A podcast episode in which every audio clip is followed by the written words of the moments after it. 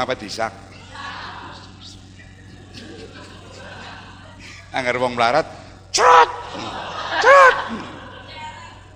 Ora pura-pura kok.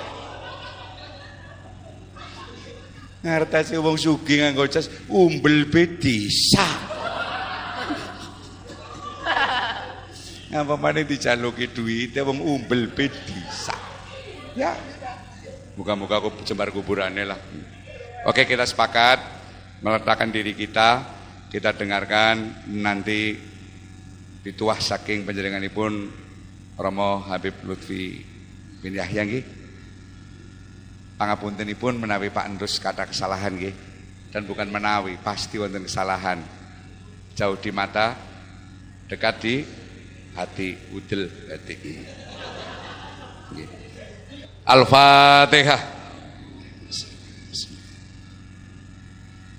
Iya kan Khairul Amin. Wallahu muwaffiq ila kami tarik. Assalamualaikum warahmatullahi wabarakatuh. Allahumma sholli ala sayyidina Muhammad. Allahumma sholli alaihi. Cara ngomong nomo wong face, eh face mari Kanjeng Nabi. Allahumma sholli ala sayyidina Muhammad. Allahumma sholli alaihi. Ayo kayak kabeh yo. Nah. Hmm? Suara kata oh, kata orang noblos kok. Buat tepuk tangan yang meriah untuk maulid kita Nabiullah Muhammad sallallahu alaihi wasallam. Hadirin yang dirahmati Allah Subhanahu wa taala. Puji syukur alhamdulillah kita panjatkan kepada Allah Subhanahu wa taala telah hadir di tengah-tengah kita beliau yang terhormat yang kami muliakan Al-Habib Maulana Lutfi bin Hashim bin Ali bin Yahya ini merupakan satu kehormatan bagi kita semua. Beliau telah hadir di tengah-tengah kita. Untuk itu uh, mari kita ikuti bersama wejangan ataupun petuah dari beliau fatwa-fatwa dari beliau. Uh, untuk acara selanjutnya itu Madul Hasanah sekaligus dilanjutkan dengan doa yang akan disampaikan oleh beliau yang mulia Al-Habib Lutfi bin Ali bin Yahya. Kepadanya kami persilahkan. Allahumma salli ala sayyidina wa maulana Muhammad.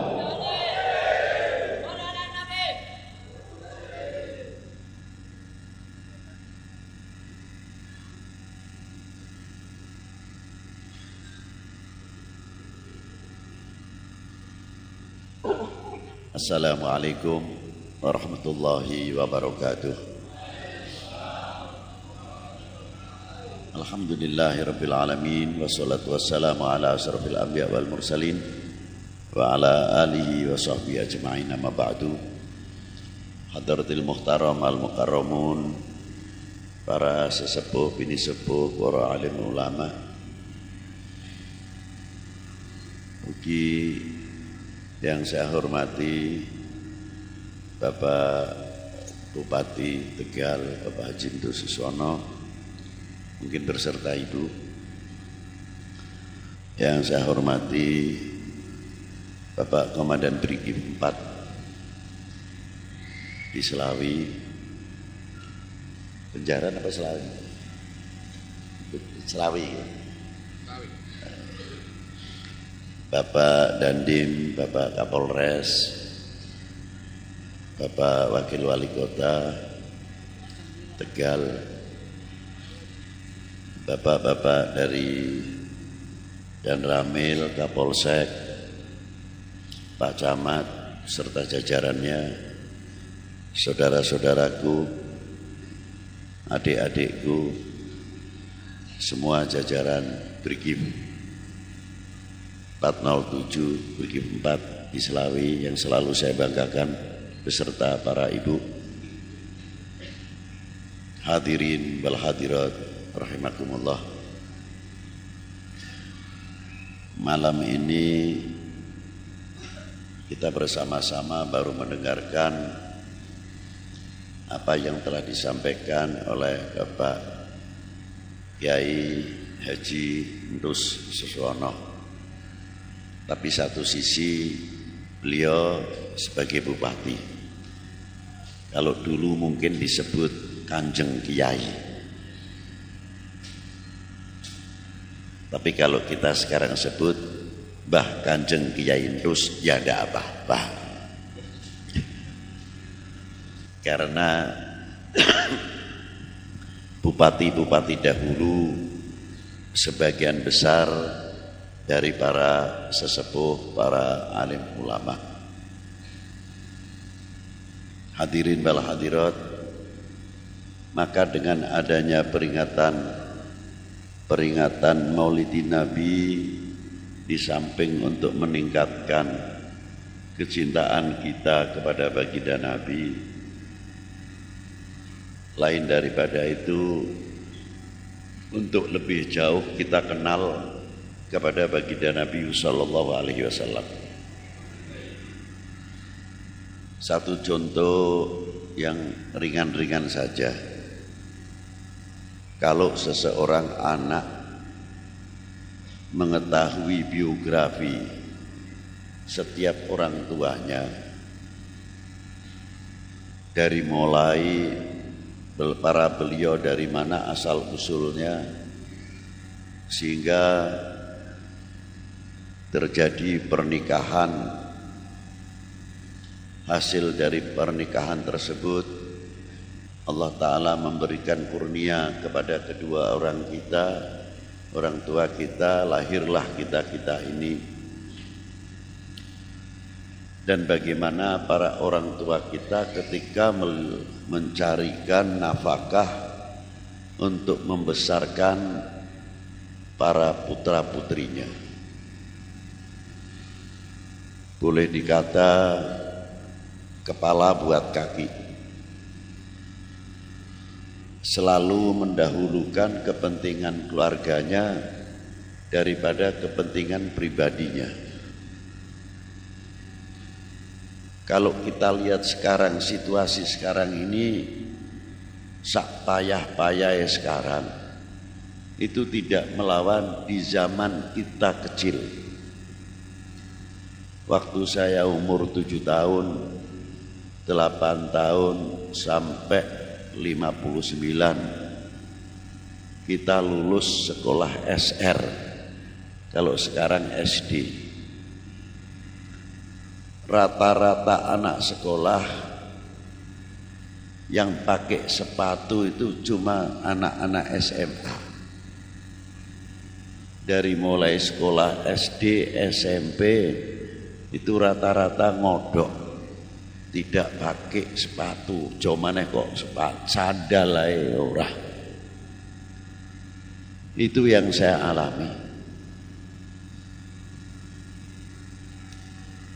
Kalau kita dibelikan sandal baru kita pakai.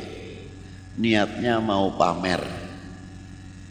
Begitu masuk sekolah gantian nyicipi ngangguni sandal. Banyak. Itu silih-silih ya itu yang terjadi. Senangnya kita dahulu itu belum apa-apa dibanding susahnya sekarang.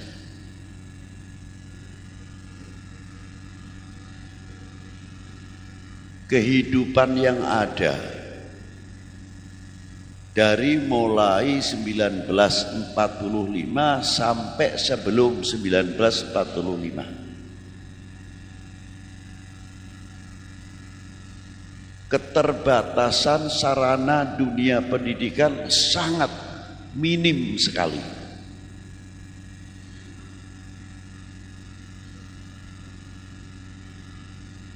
Hampir teman-teman sekolah kelas 6 ini yang mampu sampai ke SMP apalagi SMA sangat terbatas.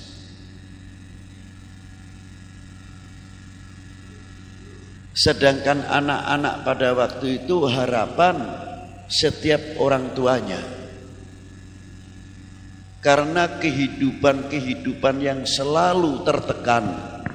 Pertama tertekan oleh pihak penjajah, yang kedua, terbatasnya sarana-sarana hidup. Apalagi alat-alat komunikasi. Kalau kita memberitahu saudara yang meninggal, kita masukkan telegram sekarang pagi hari sampainya ke tempat yang kita tuju mungkin besok pagi. Jadi sudah terlambat satu hari, terkecuali kota antar kota. Telegram dari Pekalongan ke Tegal ini masuknya baru jam setengah 12 untuk menghabari mungkin saudara kita ada yang dipanggil oleh Allah Subhanahu wa taala. Ini dulu. Semuanya mempunyai sejarah. Semuanya adalah mempunyai riwayat masing-masing.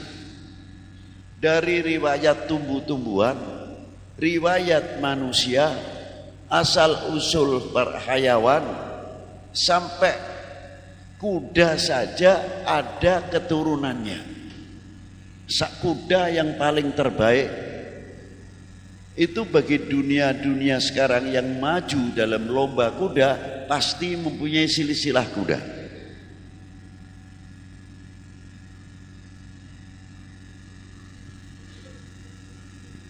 Riwayat bumi sama. Makanya kalau kita mau menguak sejarah kaya akan ilmu pengetahuan tapi sayangnya kalau sudah cerita sejarah yang ditanyakan yen ora kebenaran takone mesti kesaktiane kepriye? Keramate kepriye? Kalau ndak itu diberi ijazah ayat min ayatil Quran tidak kita pelajari apa yang tersurat tersirat di dalam setiap ayat tapi kita tanya khasiate kanggo apa itu bagus sekali tapi sadar atau tidak kita setback, mundur. Nah sama ketika kita menguak sejarah dari mulai sejarah kebangsaan bagaimana asal usulnya Indonesia ini dijajah dari semenjak kapan Indonesia dijajah munculnya VOC dan sebelum itu ada siapa? Kita pun sudah hampir ke paten obor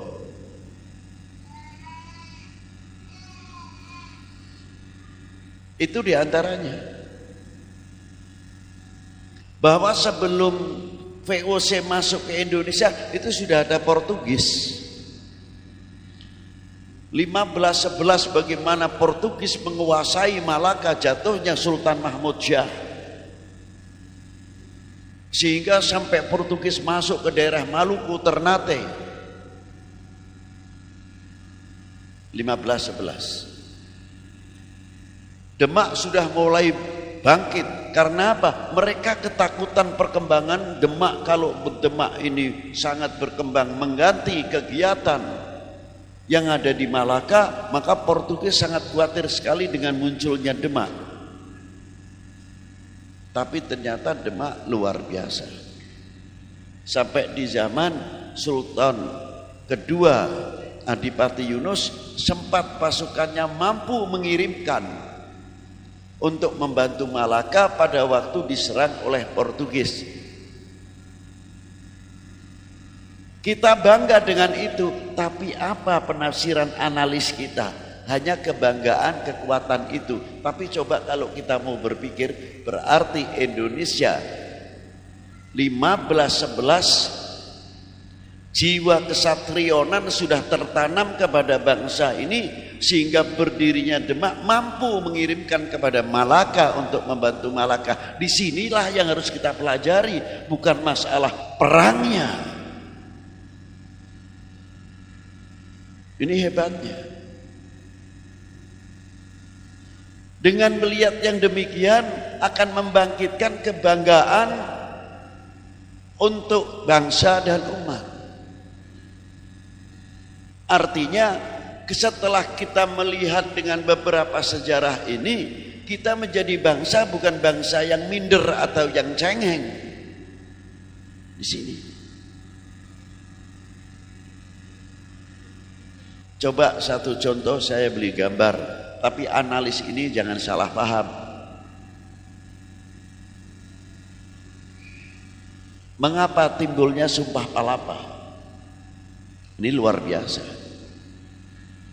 Kalau kita mengetahui Singosari diserang oleh Kublai Khan, ditekan untuk mendapatkan pajak.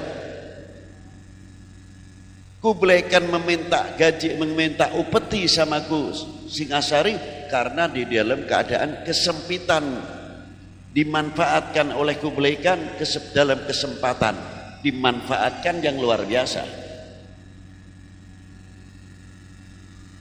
Karena apa kesulitan pada waktu itu? Singosari sedang berhadapan dengan Daha. Ini saudara sepupu. Yang satu turunan Tunggul Ametung yang satu turunan Ken Arok satu ibu dari Ken Dedes Itu di antaranya. Ini kekuatan yang luar biasa. Sudah terbangun kecemburuan sosial di antaranya Bani Ken Arok dan Bani Ken yang satu Ken Arok, lembu peteng yang satunya. Itulah luar biasa. Kesempatan dalam kesempitan ini dimanfaatkan untuk menekan Singosari. Tapi Singosari punya otak luar biasa. Oke saya terima. Tapi tolong serang dulu dah. Begitu diterima, diseranglah daha oleh Kublai Khan. Subhanallah Singosari pukul dari belakang. Jadi seolah-olah Kublai Khan berhadapan dengan satu daha, dua Singosari sampai 70 kapal hanya selamat kapal yang satu cuma satu-satunya kapal punya Kublai Khan. Berarti kalau satu kapal itu 7000 eh, 70 pasukan kali 70 49 4900 bisa dihalau oleh kekuatan strategi yang sangat luar biasa tapi hebatnya setelah Raden Wijaya menang tumbuh mulai bangun. Muncul adanya Mojopahit di waktu zaman Hayam Wuruk muncullah patihnya yang sangat terkenal yang mempunyai toleransi yang luar biasa.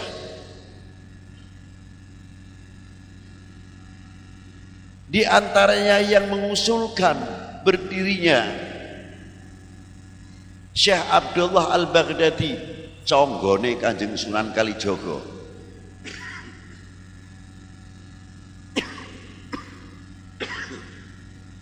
Itu di antaranya. Sehingga berdirilah Kabupaten Tuban.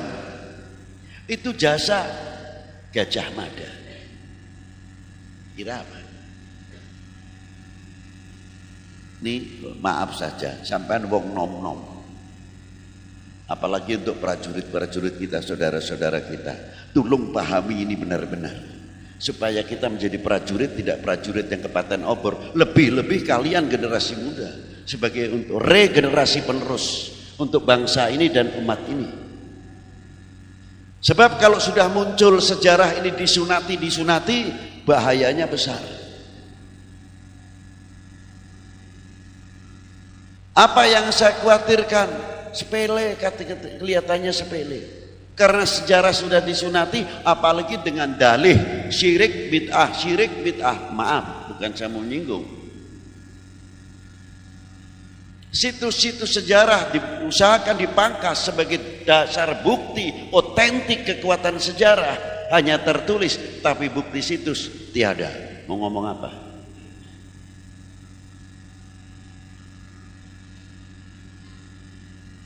Nih. Dan ini terjadi. Nah kalau ini muncul di Indonesia, maaf saja, kita tidak waspada, sudah sejarahnya para pejuang bangsa ini disunati. Terkadang dicari kesalahannya pejuang itu sendiri. Kita selaku bangsa yang mempunyai tokoh yang luar biasa muncul keraguan. Karena apa? Yang diorbitkan kesalahannya. Contoh yang real saja. Di Ponegoro itu kalau tanahnya tidak di serobot oleh Belanda tidak mungkin Diponegoro berjuang. Nah inilah sepotong memaham sejarah. Padahal pada waktu itu di zaman Hamengkubuwono kedua telah ditekan oleh Raffles yang dibantu oleh Dandeles untuk menjadikan keraton Ngayogyakarta di bawah karisidenan jadi statusnya Yogyakarta adalah kadipaten bupati. Ya ndak terima Sultan Hamengkubuwono kedua. Wilayahnya yang cukup luas mau diprotolin sama Raffles.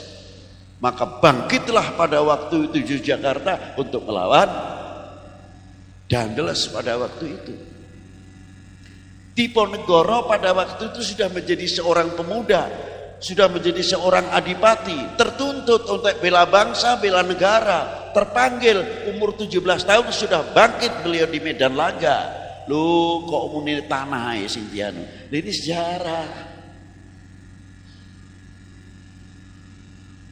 Maaf saja kalau memang tidak senang itu ya model-model sudah. Nah sama kita ambil sejarah.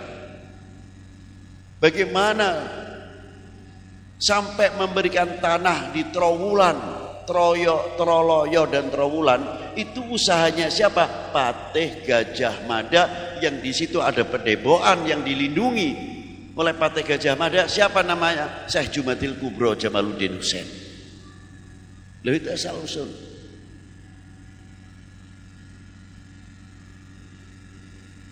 Pada waktu berdirinya setelah Raden Wijoyo muncullah Hayam Wuruk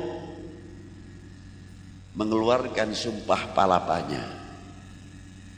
Begitu sumpah palapa tunjukkan kekuatan bangsa Indonesia walaupun pada waktu itu belum menjadi negara kesatuan persatuan Indonesia. Nusantara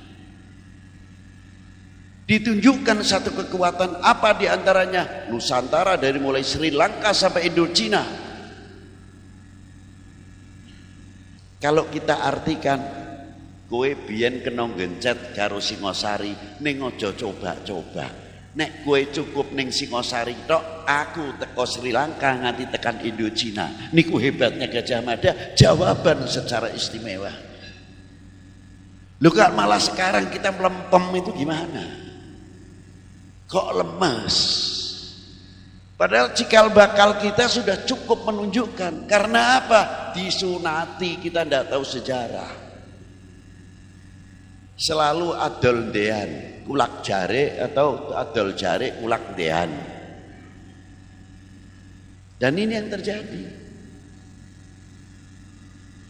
Ya sebetulnya kalau tidak di sini sih saya tidak mau berbicara begini. Tapi karena adik-adik saya, saudara-saudaraku yang kubanggakan dalam TNI, satu kebanggaan, saya harus berani memberikan support. Karena kalian kebanggaan kami. Kalau dari kalian muncul salah satu oknum itu pun saya ikut malu bukan masa bodoh. Tidak bisa. Karena apa? Kalian anak kami kalau mau diaku anak saya. Kalau tidak mau ya masa bodoh.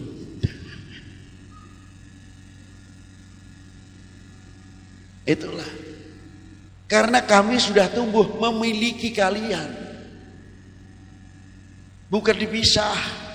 Bedone siji tok, aku wong biasa sampean tentara, sampean pegawai negeri kula mboten, tapi sama Anda milik kami. Sakitnya kalian, kami pun sakit.